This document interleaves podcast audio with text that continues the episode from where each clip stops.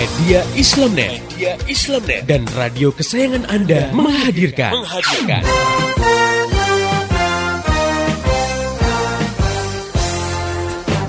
Voice of Islam. Voice of Islam. Voice of Islam.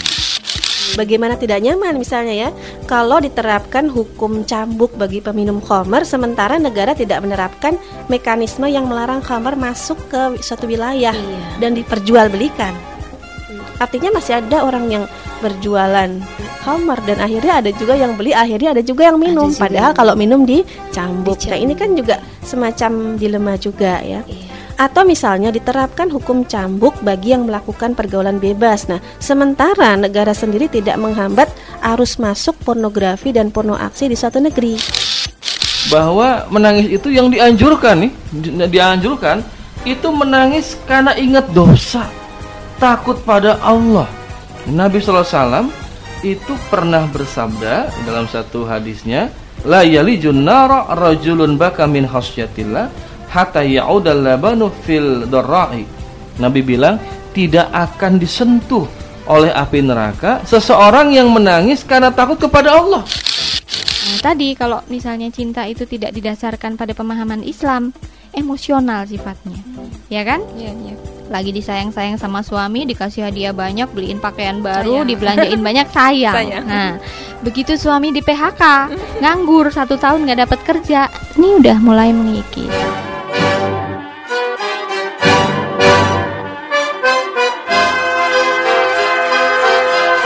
Voice of Islam. Voice of Islam. Voice of Islam.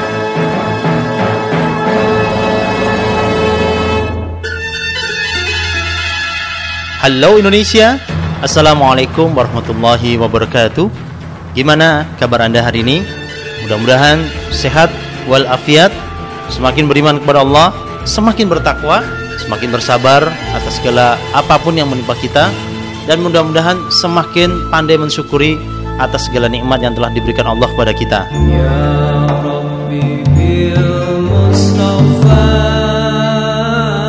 Dengan yang beriman, kembali hadir di ruang dengan Anda program Voice of Islam kerja bareng media Islamnet dengan radio kesayangan Anda ini dan kali ini saya Umar Abdullah sebagai narator kisah-kisah teladan dan penulis naskahnya dan Davir Langga sebagai penata suara dan lagunya akan menemani Anda dalam rubrik kisah-kisah teladan. Pendengar yang beriman, nggak semua orang senang ketika diluruskan kesalahannya. Pun nggak semua orang mampu menyikapi kritik yang ditujukan kepadanya dengan benar ada yang langsung naik pitam hingga nggak bisa mengendalikan diri, ada yang membungkam pengkritiknya dengan ancaman dan tindakan.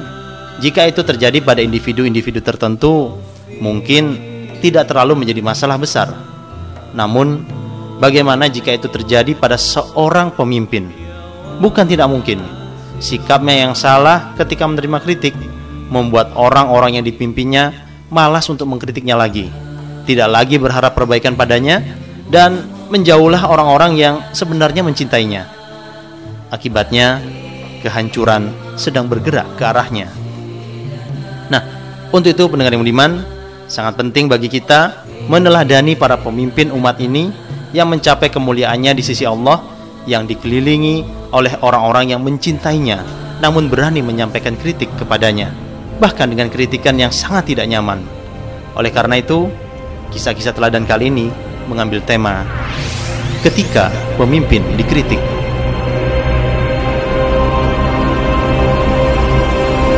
Pendengar yang budiman, salah satu pemimpin yang layak menjadi teladan kita adalah sahabat Nabi yang bernama Umar bin Khattab radhiyallahu an.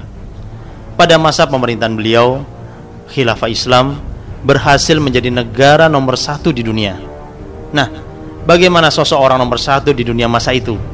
Bagaimana pula orang-orang di sekitarnya? Dan bagaimana pula sikapnya ketika dikritik? Beginilah kisahnya.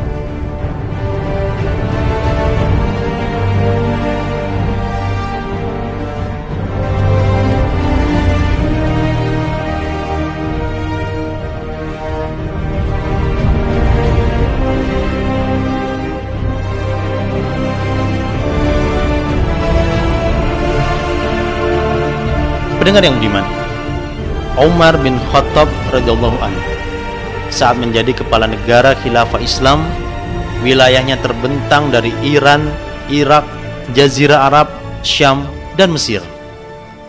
Khilafah Islam saat itu menjadi sebuah negara nomor satu di dunia setelah berhasil mengalahkan Imperium Persia dan Imperium Romawi Bizantium. Kunci-kunci kekuasaan dan kekayaan berada di tangannya. Namun Amirul Mukminin ini tidak memikul tanggung jawab pemerintahannya sebagai seorang yang terpesona dengan popularitas, sebagai orang yang angkuh dengan kedudukannya, dan sebagai orang yang sombong dengan kekuasaannya. Beliau memikul urusan pemerintahan dengan hati seorang yang jujur, seorang yang mencari kebenaran, seorang yang menghargai keberadaan orang lain dan pemikiran mereka untuk mengambil tempat bersamanya, mematangkan pendapatnya dengan pendapat-pendapat mereka, serta menolong kesadarannya dengan kesadaran mereka. Inilah, inilah yang membuat Umar bin Khattab sang khalifah menjunjung tinggi musyawarah dan menundukkan kepalanya yang tinggi dalam kekhusukan dan kegembiraan kepada setiap penentangan yang berani dan benar. Pendengar yang beriman, kecintaannya pada kebenaran nampak ketika suatu saat beliau mengawali pembicaraan di depan kaum Ansor. Wahai kaum Ansor, sesungguhnya kuundang kalian untuk bersamaku memikul amanat pemerintahan ini. Karena aku hanyalah satu orang sebagaimana satu orang di antara kalian dan kalian adalah orang-orang yang mengakui kebenaran. Siapa yang tidak setuju, biarlah ia tidak menyetujuinya. Aku tidak ingin kalian mengikuti keinginanku. Berpeganglah kalian kepada kitab Allah yang menguatkan kebenaran. Demi Allah, jika aku mengucapkan suatu perkara yang kuingini, maka tidaklah kuinginkan dengannya kecuali kebenaran. Rasulullah Madah ku persembahkan untukmu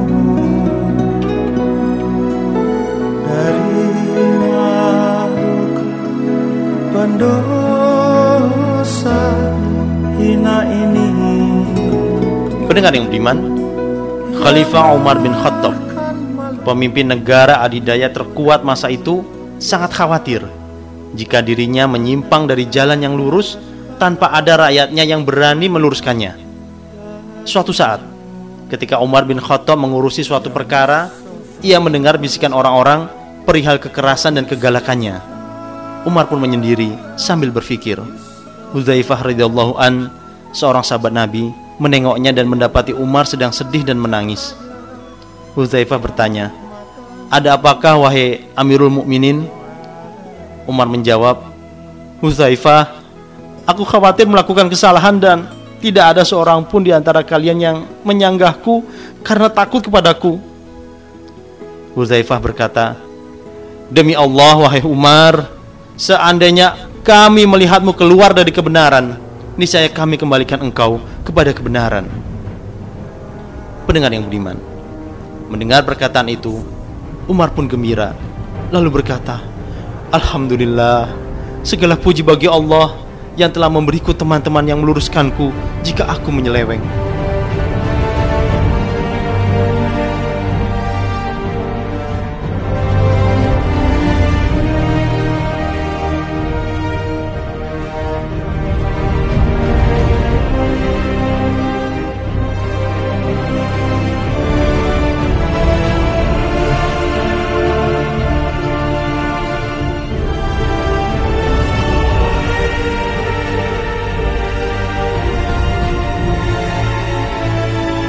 Pendengar yang beriman, kesukaannya pada koreksi ini nampak ketika pada suatu hari Amirul Mukminin Umar bin Khattab naik ke atas mimbar dan berkata, "Wahai kaum muslimin, apa yang akan kalian katakan seandainya aku memeringkan kepalaku ke dunia seperti begini?"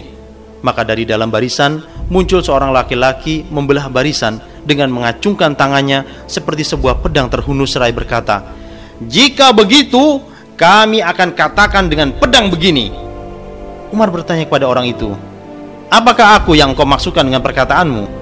Orang itu menjawab, ya, engkaulah yang kumaksudkan dengan perkataanku. Pendengar yang beriman, maka kegembiraan serta merta menyinari wajah Umar.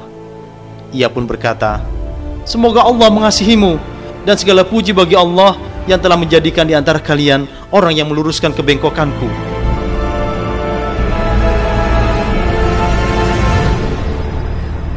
Pendengar yang beriman, walaupun menjadi kepala negara nomor satu di dunia dengan angkatan perang yang dikdaya, namun Amirul Mukminin Umar bin Khattab bukanlah seorang diktator. Dia bahkan tidak malu mengoreksi kebijakannya di depan umum, walaupun koreksi justru datang dari seorang wanita. Suatu hari Umar bin Khattab berpidato di hadapan orang banyak. Janganlah kalian memberi mahar seorang perempuan lebih dari 40 ukiyah. Siapa saja yang memberi lebih dari itu, maka kelebihannya akan dimasukkan ke dalam baitul mal, ke dalam kas negara. Pendengar yang beriman. Sesaat kemudian, muncul dari barisan perempuan seorang ibu serai berkata, Wahai Umar, tidak benar yang kau katakan. Umar bertanya kepadanya, Kenapa wahai ibu?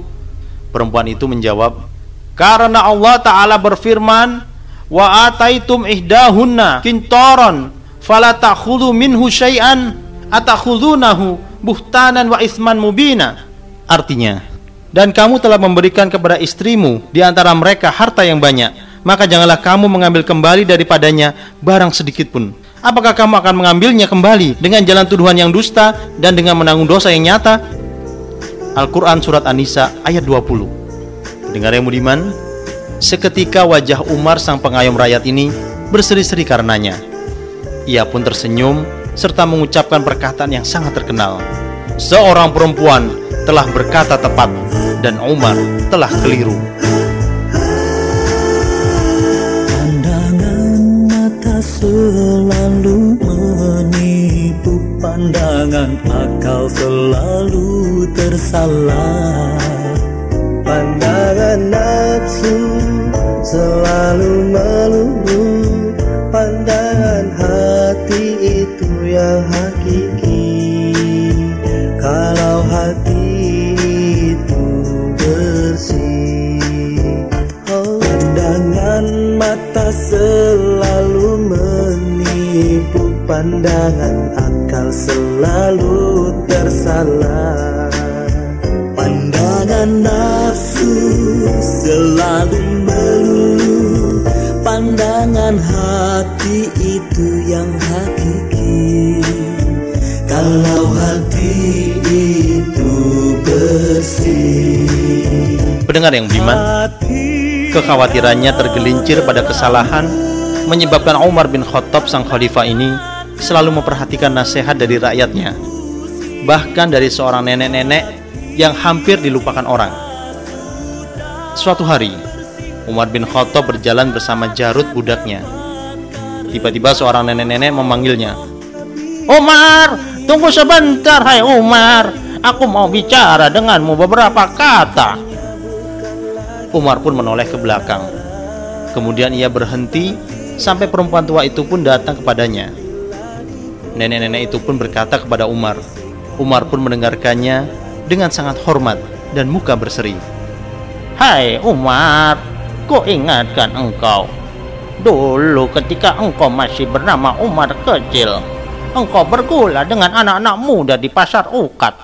Sekarang, setelah lewat beberapa waktu, engkau menjadi Amirul Mukminin. Karena itu wahai Umar, takutlah engkau dalam mengurusi rakyat dan ketahuilah bahwa siapa yang takut mati, ia pun takut ketinggalan berbuat baik. Pendengar yang beriman, melihat kejadian itu, Jarud sang budak berkata kepada perempuan tua itu, "Nenek, berani sekali engkau kepada Amirul Mukminin." Pendengar yang beriman, Umar pun segera menarik tangan Jarud seraya berkata, "Jarud, biarkan dia. Sesungguhnya engkau tidak tahu siapa dia.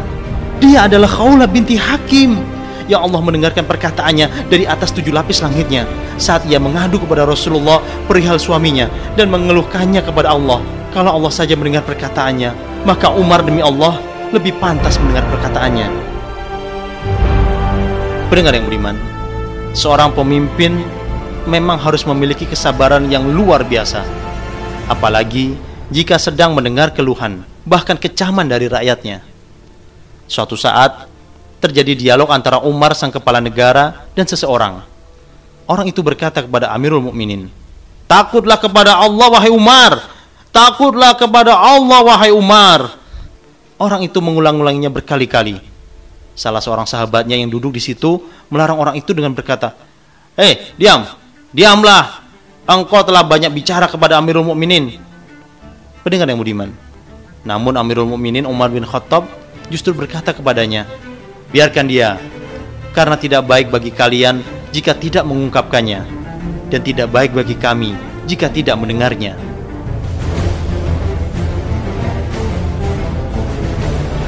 Pendengar yang budiman, apa yang dilakukan oleh Umar bin Khattab sang khalifah ini adalah karena meneladani bagaimana Rasulullah Muhammad SAW sang kepala negara Islam yang pertama mengurus rakyatnya. Suatu saat Umar melihat sendiri suatu kejadian. Seorang Arab dusun dari pegunungan datang menghadap Rasulullah dan menegur Rasulullah yang berada di antara sahabat-sahabatnya dengan berkata, "Berilah aku harta itu. Harta itu bukan hartamu, juga bukan harta bapakmu." Mendengar ucapan warganya dari pedesaan itu, Rasulullah Shallallahu Alaihi Wasallam tersenyum dan berkata kepada orang itu, "Engkau benar. Sesungguhnya ia adalah harta Allah." Pendengar yang budiman, Melihat itu, bangkitlah kemarahan Umar. Ia ingin memukul orang dusun itu, namun Rasulullah SAW mencegahnya dengan lemah lembut dan senyumannya menghias kedua bibir beliau seraya berkata kepada Umar, Biarkan dia wahai Umar, sesungguhnya yang punya hak boleh bicara.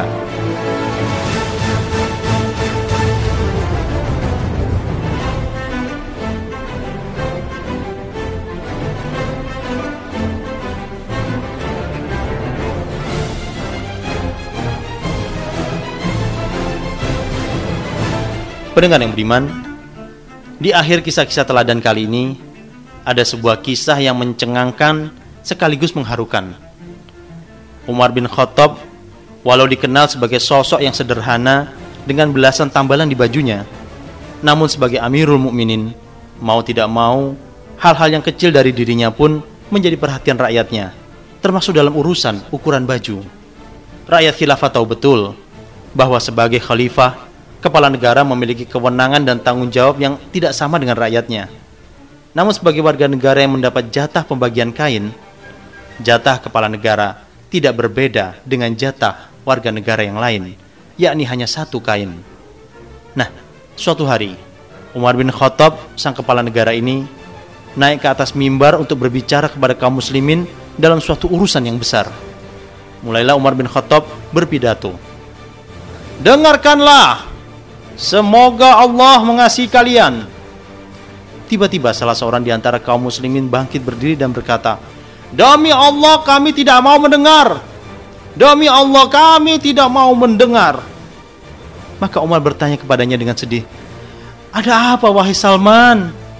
Salman menjawab, Wahai Umar, engkau mengistimewakan dirimu dari kami dalam urusan dunia. Engkau beri masing-masing dari kami satu baju burdah sedang engkau mengambil dua burda. Pendengar yang beriman, Khalifah Umar mengelilingkan pandangannya ke barisan kaum muslimin. Kemudian berkata, "Di mana Abdullah bin Umar?" Maka berdirilah Abdullah putranya itu sambil berkata, "Inilah aku wahai Amirul Mukminin." Umar pun bertanya kepadanya di hadapan orang banyak, "Wahai Abdullah, siapa pemilik burda yang kedua?" Abdullah menjawab, Aku wahai Amirul Mukminin. Kemudian Umar berbicara kepada Salman di hadapan orang banyak. Sesungguhnya, seperti kalian ketahui, aku adalah seorang yang berbadan tinggi dan aku telah menerima burdah yang pendek. Maka Abdullah memberikan burdahnya kepadaku dan kusambungkan dengan burdahku. Pendengar yang beriman, maka dengan berlinang air mata kegembiraan dan kepercayaan, Salman pun berkata, Segala puji bagi Allah. Sekarang, bicaralah wahai Amirul Mukminin, kami akan mendengarkan.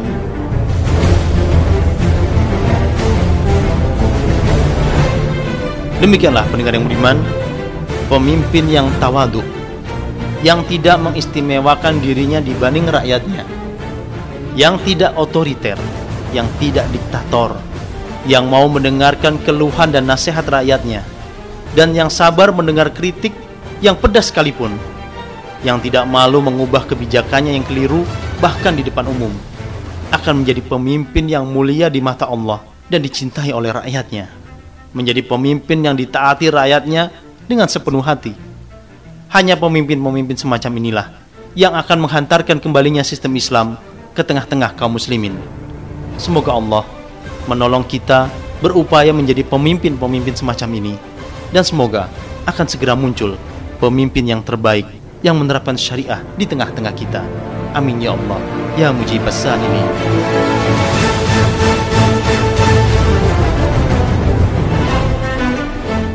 Demikian mendengar yang kisah-kisah teladan hari ini yang berjudul Ketika Pemimpin Dikritik.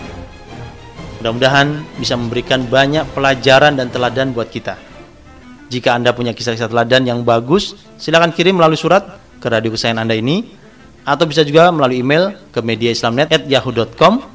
Kritik, sarang, masukan, pertanyaan dan lain-lain bisa Anda SMS ke 0856 9492 4411.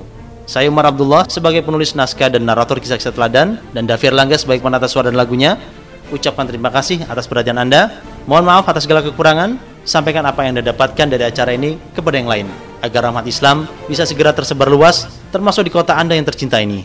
Mari menimbang masalah dengan syariah. Assalamualaikum warahmatullahi wabarakatuh. hanya titipan oh, di bawah tak bisa semua harta kita saat kau pergi jauh dari alam fana amalnya manusia penolong utama.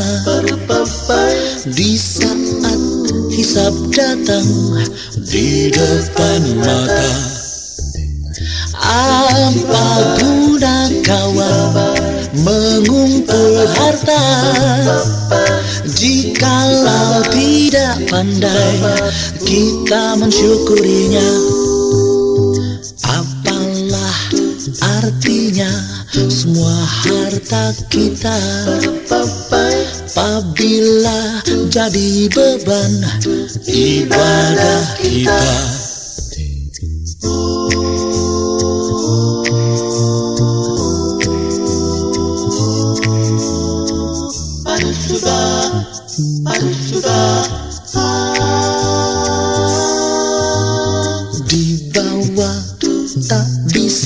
semua harta kita. Saat kau pergi jauh dari alam fana Amalnya manusia penolong utama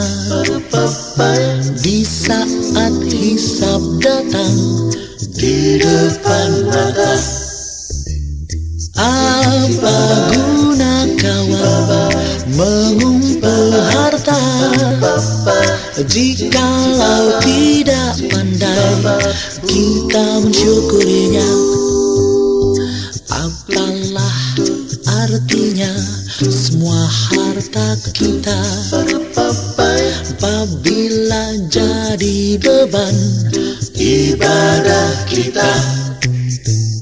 Ibadah kita. Ibadah kita